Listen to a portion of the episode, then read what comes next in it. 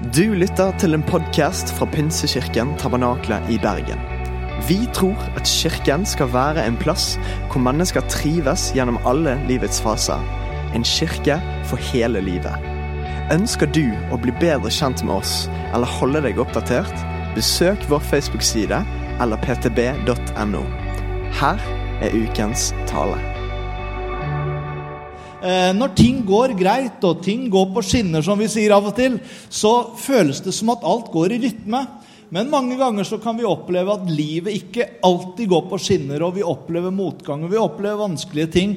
Og sånn kan det også være i en del bibelske spørsmål og ting som vi eh, deler sammen. Og i dag skal vi eh, fortsette å snakke litt om noe som jeg delte for to søndager siden. Eh, og hvis dere husker litt tilbake, så brukte jeg Jesus som eksempel i forhold til et liv med Den hellige ånd. Og du kan sette opp den første sliden der. Eh, nummer to, tenker jeg da. Så ser vi at Jesus han var eh, født av Ånden. Han var fylt av Ånden. Han eh, var ledet av Den hellige ånd, og han tjente i Den hellige ånds kraft. Hvis ikke du fikk med deg dette, så kan du laste ned på podkast, og så kan du gå inn og lytte til eh, for to søndager siden hvordan vi delte med det. Og brukte Jesus som eksempel også over på for oss at vi også trenger å bli frelst for å begynne det nye livet sammen med Gud. Eh, det er å bli født av Ånden. Vi eh, er også lovt at vi kan få kraft fra Den hellige ånd. Det er å være fylt av Ånden. Eh, og vi kan også bli ledet av Den hellige ånd og tjene i Den hellige ånds kraft på samme måte som Jesus. Eh, vi delte at Grunnen til at vi kan sammenligne oss med ham, var fordi han brukte ikke sin guddomskraft til å utføre de tingene han gjorde, men eh, han var helt overgitt til Guds kraft og Den hellige ånds kraft i hans liv for å utføre det han gjorde. Og det samme har han også overgitt til oss at vi kan få lov til å gjøre. Og Vi skal gå litt mer inn i eh, hvordan Den hellige ånd leder oss i dag.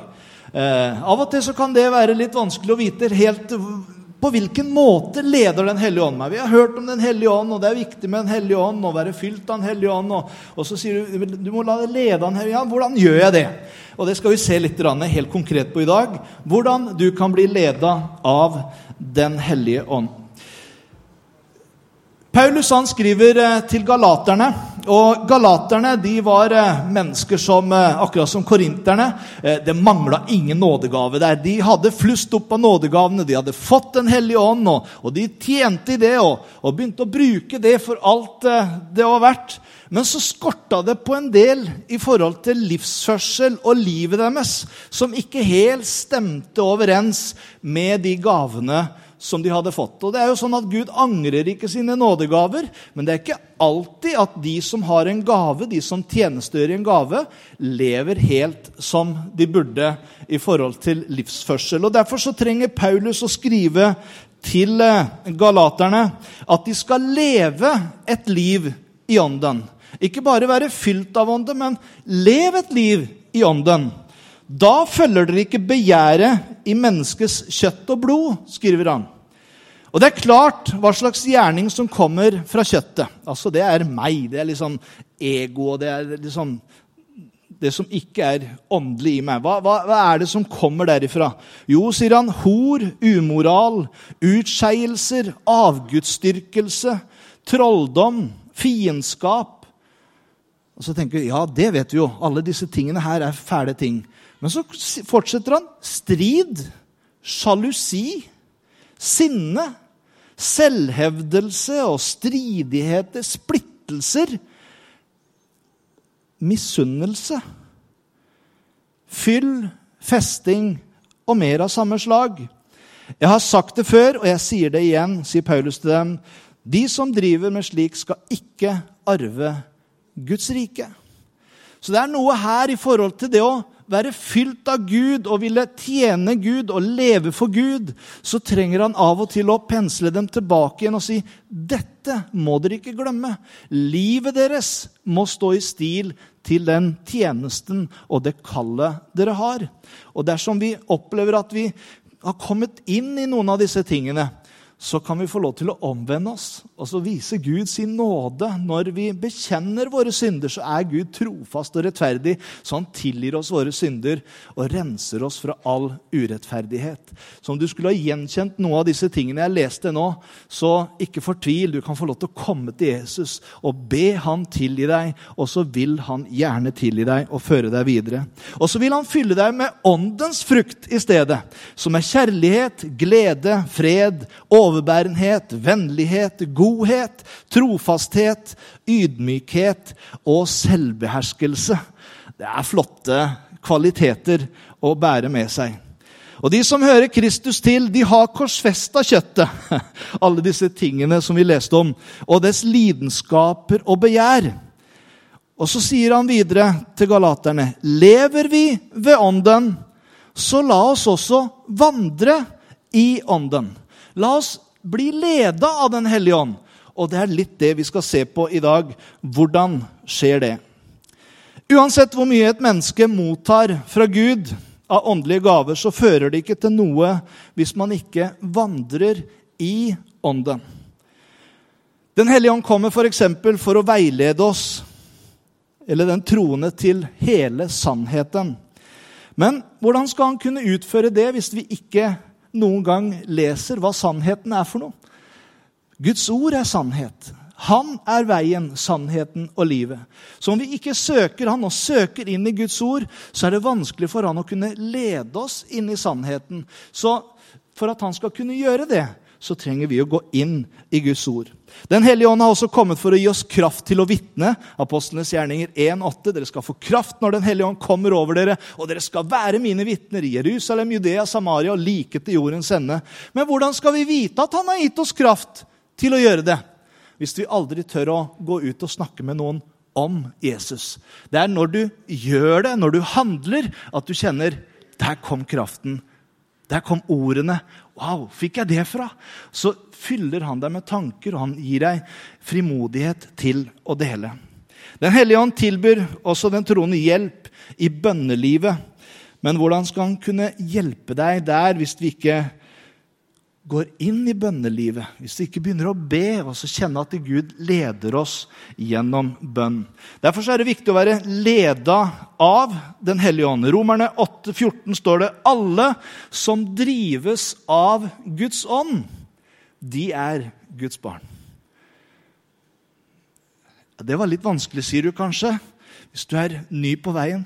Men det er ikke vanskeligere enn at når jeg sa ja til å følge Jesus, så flytta flytta Den hellige ånd inn i meg. Og min kropp, meg, det har blitt tempelet for Den hellige ånd. Hvis du tenkte at disse fire veggene var tempelet som Den hellige ånd bruker, så er det feil. Han bor ikke i menneskelagde hus lenger, men han har flytta inn eh, i deg. Det er akkurat som du har fått innlagt vann på innsida av deg. Der inne bor Den hellige ånd. Og Derfor så ønsker Den hellige ånd å hjelpe deg å leve dette livet. Så den som blir drevet av Guds ånd, de er Guds barn. Mange ganger har du kanskje spurt noen venner i situasjoner hvor du lurte på hva skal jeg gjøre for noe. Hvordan skal jeg gjøre det her for noe? Og vi har mange spørsmål gjennom livet. Hvilken skole skal jeg gå på? Hvem skal jeg gifte meg med? Hvor mange barn skal vi ha? Det er ting som kanskje ikke du tenker på, men det, tenkte jeg litt på når jeg var uh, yngre. Uh, nå har jeg kanskje begynt å tenke litt på hvor mange barnebarn jeg skal ha, men det har jo ikke jeg så mye med å gjøre. Så det får vi heller overlate til noen andre. Men det er mange spørsmål som man har. Og hvor går du med dine spørsmål når du har alle disse? Og enkelte, ja, selv kristne, har jeg av og til opplevd forespør seg heller med horoskop eller med blader og ting som liksom virker enkelt. Ja, jeg er født i den og det tegnet. Skal vi se hva som kommer til å skje med meg neste uke? Du, det er den dummeste sted du kan spørre om hva som kommer til å skje med deg neste uke. Hvis, det, hvis du er der, så vil jeg bare si det. Glem det. Det er ingen god ledetråd. Han som styrer hele den sjappa der, han heter Løgneren. Og han eh, har kommet for å stjele, myrde og ødelegge. Han har ikke noen gode tanker for deg. Men Gud har gode tanker for deg. Det er viktig å kunne komme inn og se hvordan det er. Vi har opplevd eh, mennesker også i eh, misjonstjeneste, men mer og mer også her hjemme. Eh, så når de blir syke, så går de til alternative ting som egentlig er helt på sida av det som både legevitenskap og det Gud anbefaler for å forespørre og for å få hjelp. Og Jeg har lyst til å bare oppmuntre deg. Gå til Gud med det du lurer på. Du har en venn som kjenner deg, som bor i deg, som vet hva du trenger til. Holdt på å si før du vet det sjøl. Og det er viktig at du kan få lov til å da gå til han som kjenner deg, og be til han. Han vet hva som er best for deg. Han elsker deg, og han ønsker å lede deg i alt. Den hellige ånd er din hjelpsomme venn. Og Derfor så sto det Lev, lever vi i ånden, så la oss også vandre i ånden. Det første Den hellige ånd ønsker å lede deg gjennom, det er Guds ord. Den hellige ånd kommer aldri til å lede deg bortenfor det som Guds ord sier. Det vil alltid ha klaff der. Eh, Bibelen er det veikartet som Den hellige ånd bruker for å lede deg. Og Dag for dag så hjelper han deg til å bruke Guds ord eh, i det livet du lever. Og Det er derfor viktig at du leser Guds ord hver dag. Sier ikke du skal lese flere kapitler om dagen, men begynn med ett vers om dagen. og Kanskje du tenker at det, men det var jo veldig enkelt. Så kan du kanskje begynne å lese tre-fire vers og kanskje et kapittel om dagen. og Kanskje du er der etter hvert at du leser tre kapitler om dagen. Men det viktigste er at Guds ord ikke bare liksom når øya dine, men at du kan grunne på det, tenke litt på det. Tenk på det i løpet av dagen. Hva var det egentlig jeg leste her i, i morges? Så, så lar du Guds ord få lov til å fylle deg. For det er med og veileder deg.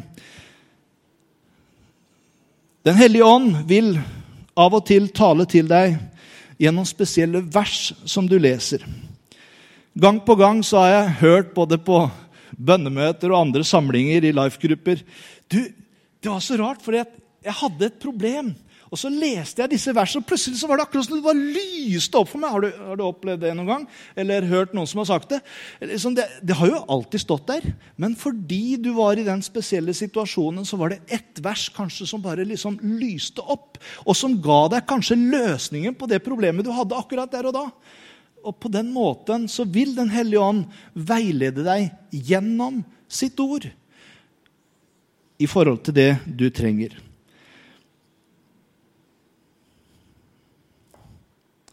Det er nøyaktig det du trengte, og det hjalp deg i ditt problem.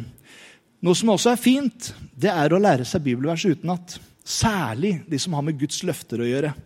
At han elsker deg så høyt. Elsket Gud meg? Du kan gjerne putte inn deg isteden.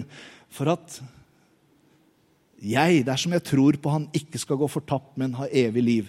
Altså Når Jesus ble frista i ørkenen, så står det at han brukte sitt Guds ord kom liksom og frista han. Ja, men du, nå er du jo sulten og har ikke spist på 40 dager. Du kan jo gjøre om disse, til, disse steinene til brød. Det er jo ikke noe problem for deg. Du er jo Gud. Og han kunne ha brukt sin guddomsmakt til å gjøre det, men han hadde valgt å ikke gjøre det. Men han kunne ha gjort det.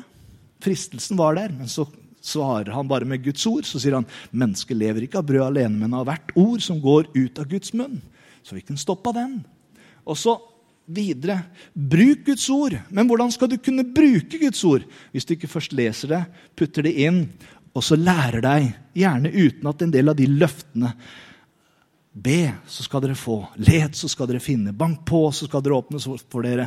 Altså, handler om løfter som Gud har gitt oss, som du kan få lov til å ta tak i. Jeg har vært ung og blitt gammel, men jeg har aldri sett den rettferdige tigge etter brød. Altså, Det er fantastiske løfter. Det betyr at du ikke kommer til å være sulten noen gang? Nei, det betyr ikke det. Men det betyr at når du er i prøvelsene, når du er i vanskeligheter, så kan du få lov til å holde fast ved Guds løfter, og så vil du merke at disse løftene de er der. Jeg har fått lov til å prøve det ut i livet. Jeg husker Det var jo bare noen 11-12 år når vi eh, var i Argentina som misjonær. Det var den tida hvor det ikke var liksom sånn overføring via VIPS og sånne ting. Da tok det tre måneder før sjekken kom fra utsendemenigheten til der vi var. Eh, og av og til så ble sjekken borte i posten. Det er noen misjonærer som har opplevd det. Eh, og det var faktisk ganger som vi ikke visste hva vi kom til å spise dagen etter.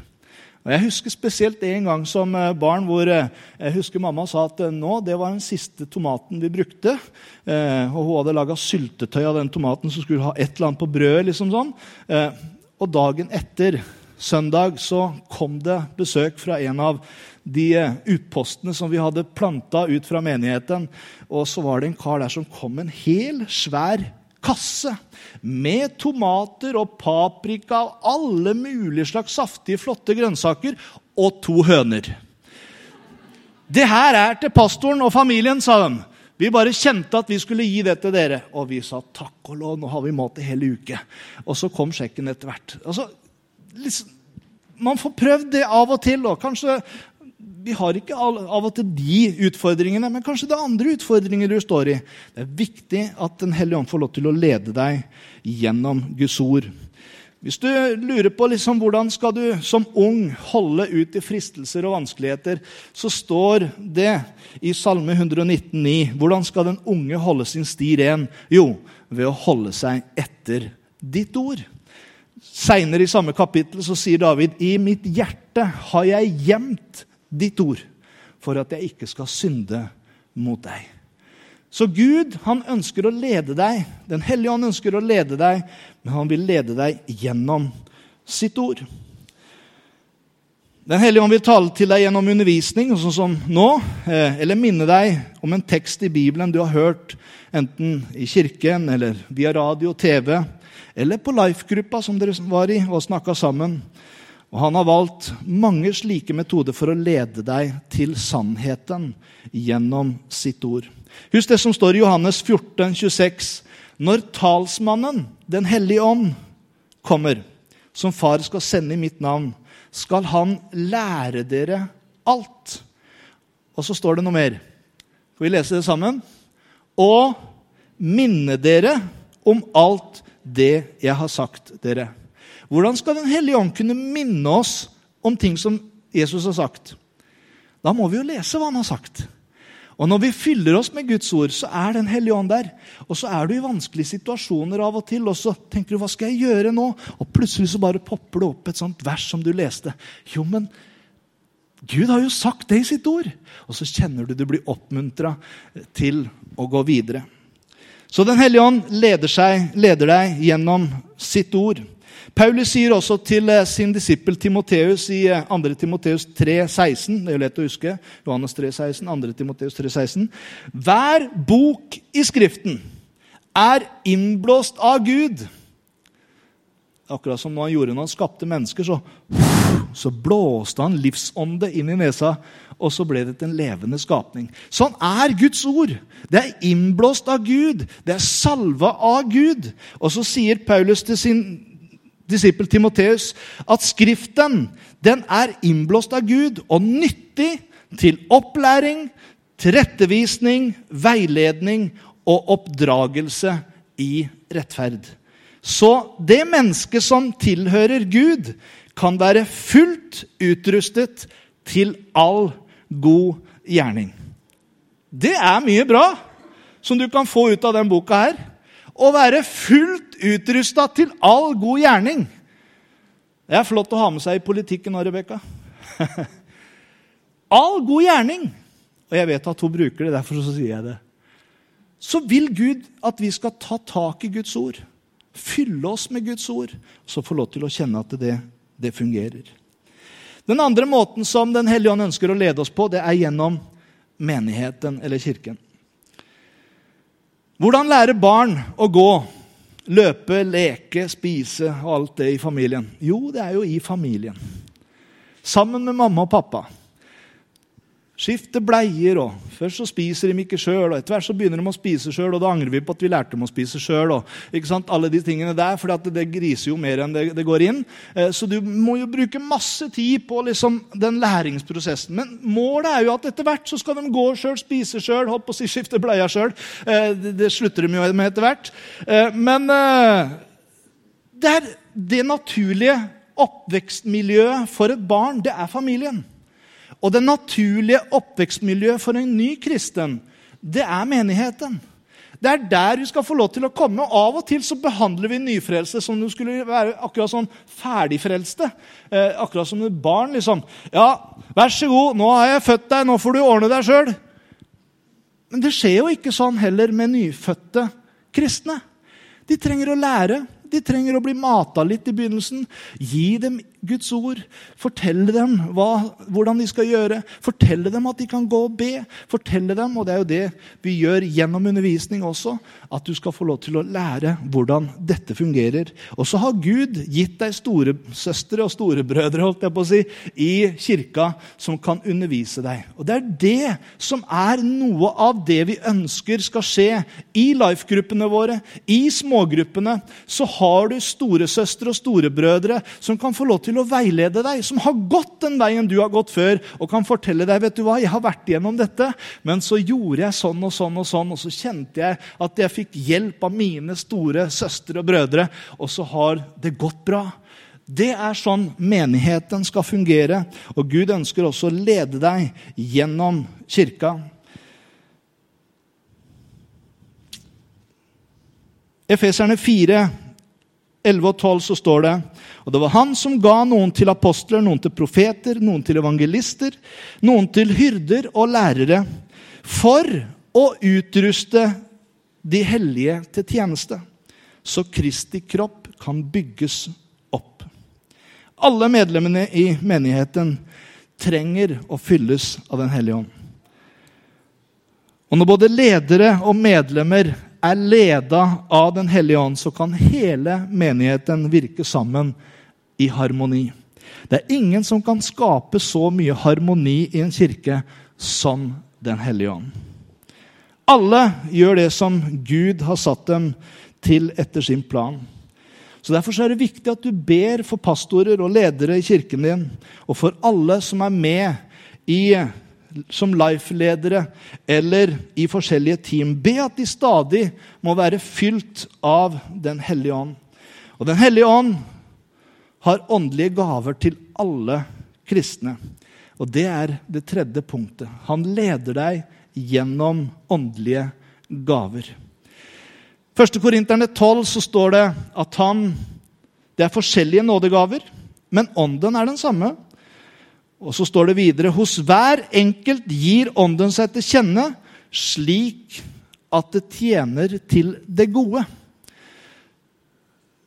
Den hellige ånd har forskjellige gaver som skal brukes i forskjellige sammenhenger til det gode, altså til det som er til det beste for situasjonen.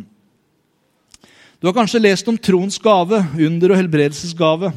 Vi leser videre vers, fra vers 8. For ved én og samme ånd blir det gitt én å tale visdom, en annen å formidle kunnskap, én får ved den ene, ene ånd en spesiell trosgave, en annen får nådegaven til å helbrede, en får gave til å gjøre under, en får den gave å tale profetisk, en annen å bedømme ånder, en får ulike slags tungetale, og en annen kan tyde tungetale alle disse gavene gir Den hellige ånd til det som er ganglig, altså til det som det er bruk for akkurat der og da.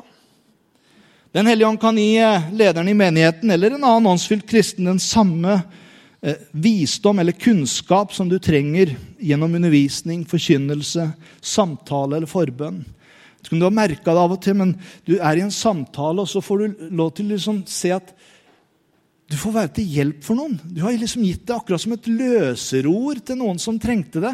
Og så går de derifra og sier du vet ikke hvor mye du har hjulpet meg akkurat nå. Og du tenker hvor fikk jeg det fra? Den hellige ånd som gir visdom i forskjellige situasjoner når vi trenger det. Men du må være der. Det er ikke sånn at du sitter hjemme i stua og tenker at skal vi se hvilke gaver har jeg nå, tro? Mange har jeg greid å få inn i, i, i rommet her. Altså, Det er ikke sånn det fungerer. Vi får lov til å være en kanal for Den hellige ånd. Hvis du tenker på det som et rør eh, som er det noen som er syke, ja, så trenger du kanskje en helbredelsesgave den gangen. Er det noen som er forvirra og lurer på hva skal jeg gjøre, så trenger du kanskje visdom fra Gud.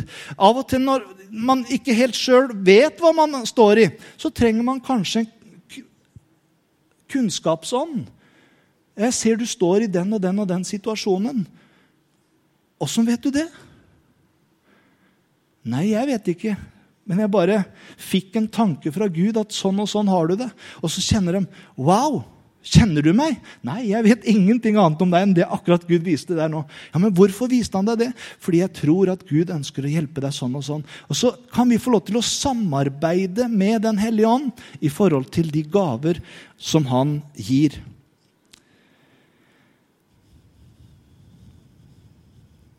Budskap kan komme direkte til deg ved at du får innsikt som ikke er i deg selv, og plutselig så forstår du hva Guds vilje er i en bestemt situasjon. Og Noen uh, utenfor deg opplyser ditt sinn. Du får det akkurat som en tanke i underbevisstheten uh, om hva bibelavsnittet betyr, og hvordan det passer inn i din utfordring eller problem. Gud gir deg også ord som du trenger for å kunne være til hjelp for andre. Og Når du snakker med folk om Jesus eller du underviser noen, trenger du denne ledelsen av Den hellige ånd. Foreldre trenger, som foreldre så trenger vi visdom fra Gud for å kunne oppdra barna på en god måte. Og Åndens gaver gjelder for det praktiske hverdagslivet, ikke bare i kirka. Og det er ikke bare for spesielle krisesituasjoner. Men han ønsker å veilede oss i hverdagen. I alle situasjoner. Feserne 1, 17, Jeg ber om at vår Herre Jesu Kristi Gud, herlighetens Far, må la dere få en ånd som gir visdom og åpenbaring. La meg si kort litt om profeti, budskap i tunger eller tydning. Det er også måter som Den hellige ånd taler på. Profeti det er Guds budskap på et språk som vi forstår. Altså på norsk for oss. ikke sant? Man kommer og sier at kjenner Gud sier sånn og sånn, og så er det et budskap som kommer på norsk. Det kan gjelde ting som skal skje i framtiden, eller det er et budskap til oppbyggelse, formaning eller trøst. Eller noe som er til hjelp for tilhørerne. Enkelte ganger så kan budskapet først komme som tungetale eh, på et språk vi ikke forstår. Ikke den som snakker det heller. For deretter at en annen tyder det. De kan ikke tolke det, for de skjønner heller ikke hva som blir sagt. Men på samme måte som noen får budskapet, så får en annen tydningen. Og sammen med tunger og tydning så blir det effekten av en profeti som er til menighetens oppbyggelse. Og Derfor så sier Bibelen at hvis det ikke er noen som tolker, så skal du tie og heller ta det med deg hjem. Og så er det forskjell på tunger til egen oppbyggelse, som Paulus snakker om at han gjør mer enn alle oss andre. Eh, så, så han talte i tunger når han ba. Det er en gave Gud har gitt deg, men tungetale til oppbyggelse det kommer som på en måte litt annerledes. Som et trykk innenfra, som et budskap som du skal dele. Og da er det også viktig at det er noen som tyder det, for at vi skal kunne få kjennskap til hva Gud sier. Ellers så blir det jo unyttig for oss. Eller så blir det som Paulus sier, at det kommer inn, og så vil hun tro at de er fra forstanden hele gjengen. Når alle taler i tunger, da er det bedre å si noen ord med forstanden, så de kan skjønne hva vi sier. Eh, Hele 1. Korinterbrev 14 handler om dette.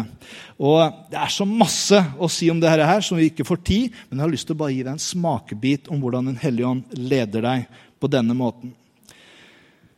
1. Korinterne 14,3.: Den som taler profetisk, taler for mennesker til oppbyggelse, formaning og trøst.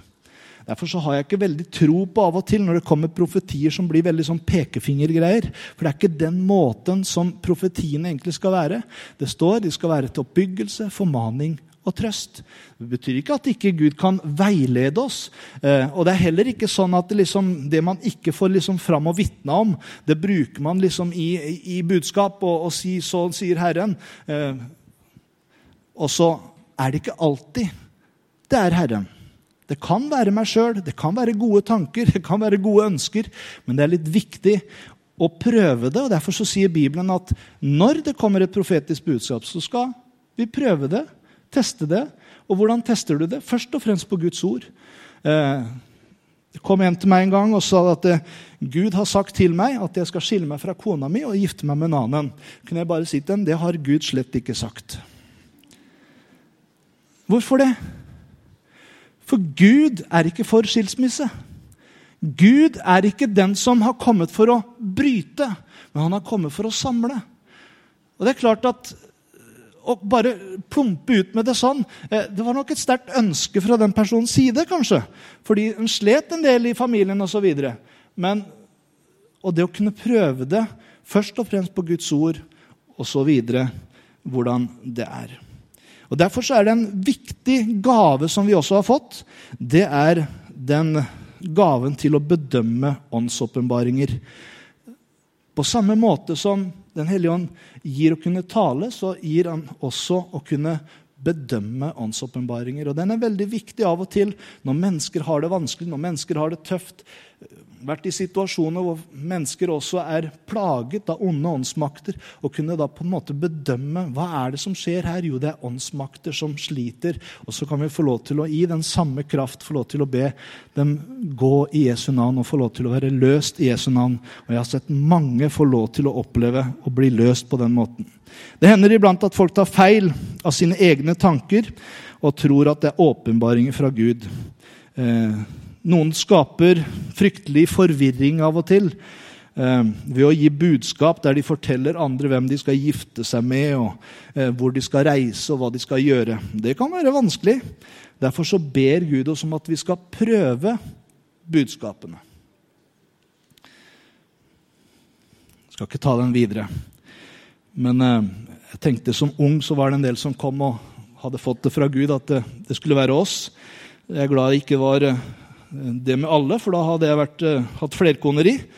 Uh, men uh, jeg er glad for at det ble Linda, og at det ble bare ei. Men Gud hadde jo sagt alle sammen. Så det, det, det, kan være greit av og til å få prøve de der åndene av og til. Og Derfor så sier Paulus videre til tessalonikerne.: Slukk ikke ånden. Det er ikke sånn at 'nei, dette er farlig, så det vil vi ikke ha'. Men slukk ikke ånden. Prøv Forakt ikke profetord, men prøv alt, og hold fast på det gode. Får du noe ut av det her? Budskapet fra Den hellige ånd det må oppfylle fem betingelser. La meg bare ta det mot slutten her. Budskapet for det første det må stemme overens med Guds ord. Et budskap Jeg nevnte eksempler der, så jeg trenger ikke å ta det igjen. Budskapet må også være sant. Og det er jo litt viktig at den som deler det, er sannferdig i forhold til både sitt liv og det de deler. Hvis det er noe Hvis det som sies i budskapet, ikke er sant, så er det ikke fra Den hellige ånd. Og han er, for han er sannhetens ånd. Og profetier fra Herren, de blir oppfylt. Det er av og til du må vente litt eh, på det, eh, men det Gud sier, det, det skjer. Budskapet det må være til ære for Kristus. Guds ånd og Kristi ånd de ærer både Faderen og Sønnen. Derfor så sa Jesus også om Den hellige ånd at han skal forherlige meg. For han skal ta av det som er mitt, og gi til dere.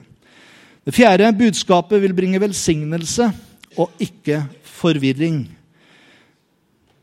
Men den som taler profetisk, taler for mennesker, til oppbyggelse, formaning og trøst. Den som taler i tunger, oppbygger seg selv. Men den som taler profetisk, bygger opp menigheten.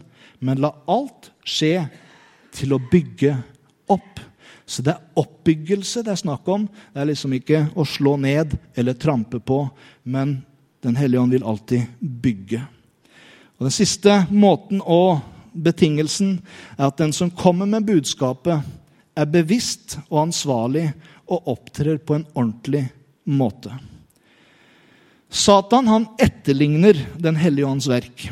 Og I spiritisme så kommer mediene i transe og er seg selv ikke bevisst. Og Mange ganger så husker de ikke heller det som har blitt sagt, for det er noe i dem som har gjort det. Den hellige ånd er aldri slik. Når Den hellige ånd gir et budskap gjennom mennesker, så er dette mennesket fullt bevisst. Og han kan velge enten han vil tale det ut eller ikke. Så det er ikke sånn at 'jeg greide ikke å la være'. Jo, du kan la være. For du holder i det. Derfor så behøver ingen å avbryte den som f.eks. taler Guds ord. Men han kan fint vente til man er ferdig, og så komme og dele eventuelt. Man har kontroll over det. Og Paulus underviser klart om dette i 1. Korinterne 14. Og Den som leder menigheten, bør oppmuntre til at vi bruker nådegavene når vi er i fellesskap, når vi er i bønnemøtene. og det. Jeg oppmuntrer til å komme dit. Der praktiserer vi og får lov til å praktisere så mye vi vil på torsdagsmøtene. Eh, og det er virkelig bra. Det er kommet konkrete ting fra Gud som vi også har hørt i etterkant liksom, at Gud har gjort. Eh, og, det har skjedd ting, både kunnskapsord om folk som har vært syke, som vi etterpå har fått beskjed om at de har blitt friske, osv. Så, videre. så det er en flott treningsarena for å prøve ut det hvis du lurer på hvor kan jeg få noen til å trene på dette sammen. Så kom dit. Den som har åndens gaver, må derfor eh, også anerkjenne lederskapet i menigheten og vise, ikke vise seg vrang overfor undervisning og gode råd på disse områdene. Og Her i kirka så ønsker vi at de som får en tunge eller en tydning eller profeti, ikke bare skal sprette opp i benkeraden og komme med det. Men vi tror på en orden, og vi tror Gud er ordens Gud. Så vi har gjort det sånn her at vi ønsker at man kommer da fram og sier 'Jeg tror jeg har noe å dele'.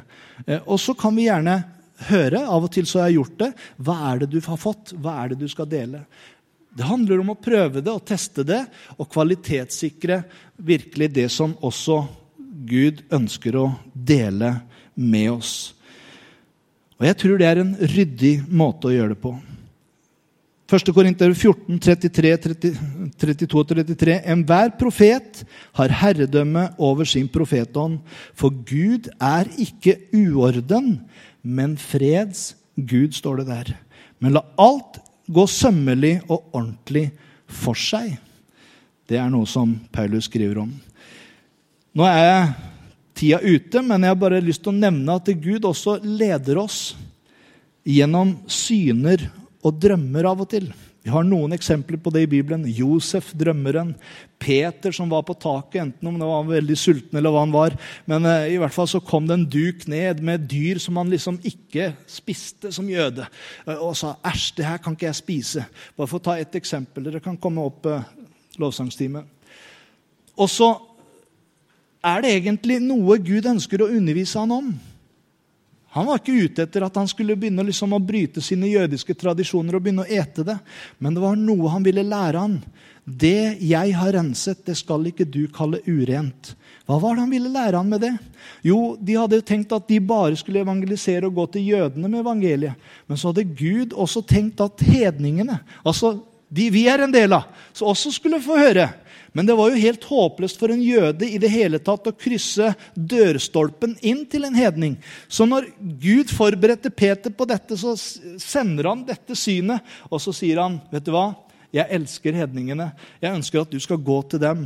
Og det jeg har helliget, skal ikke du kalle urent. Og så sier han til ham mens han sitter der oppe, nå må du gå ned trappa i utgangen, for det kommer et par stykker og skal hente deg. Da skal du være med dem uten å blunke, holdt jeg på å si, eller klage. Hjem til Kornelius fordi han ber. Og så får han lov til å dra dit og får lov til å få den opplevelsen. Han kommer dit, og der er det en romersk soldat som har vært med på mye, men som ber, og som har opplevd Guds kraft i sitt liv, og der venter de. Han hadde også fått et syn om en som heter Peter, som var i Simon Garverens hus. Hent han hit, for han skal tale til dere ord som dere skal bli frelst ved. Så Gud kan bruke også syner og drømmer. Og han kan også bruke inntrykk og opplevelser. Jeg kunne sagt masse om det. Nå er det ikke sånn at alle drømmer er eh, det Gud som taler. Jeg vet ikke om du har det at Hvis du spiser mye på kvelden, så blir du urolig også på natta og kan drømme mye rart. Alle de drømmene er ikke fra Gud. Bare la meg si det. Det kan være for mye pizza på kvelden. Eh, så ikke liksom du går hjem nå og tenker at ja, alle drømmene må jeg nå begynne å analysere. Men vær åpen for drømmene. For det kan være Gud i drømmer minner deg om personer. Du kan av og til ikke skjønne helt hvorfor så jeg den personen og hvorfor så jeg den personen i drømme. Men gjør det til en god vane Eh, når du opplever å drømme om personer, bare be for dem. Hvis du våkner av drømmene, så, så, be for de personene som du tenker på. Si 'Gud, jeg vet ikke hvorfor du viste meg den personen nå, men takk at jeg bare får lov til å velsigne dem.' og Skulle de være i en faresituasjon eller noe, eh, så opplever du av og til det. Da vil du våkne litt fortere også, hvis det er en hellig ånd som taler til deg. Altså, nå må du våkne, nå må du be for sånn og sånn. Og Da er det viktig at vi er lydige. Og Det er mange som har vitnet om at Gud har grepet inn i situasjoner fordi mennesker har blitt vekka om natta for å be for noen, enten misjonærer eller andre, som er langt borte, og opplever nettopp dette.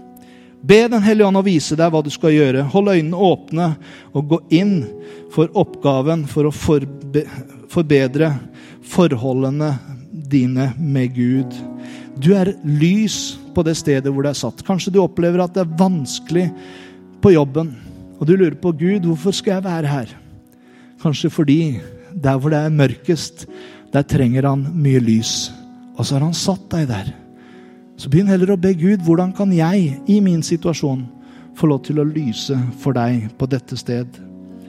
I hjertet tenker mannen ut sin vei men Herren styrer skrittene hans.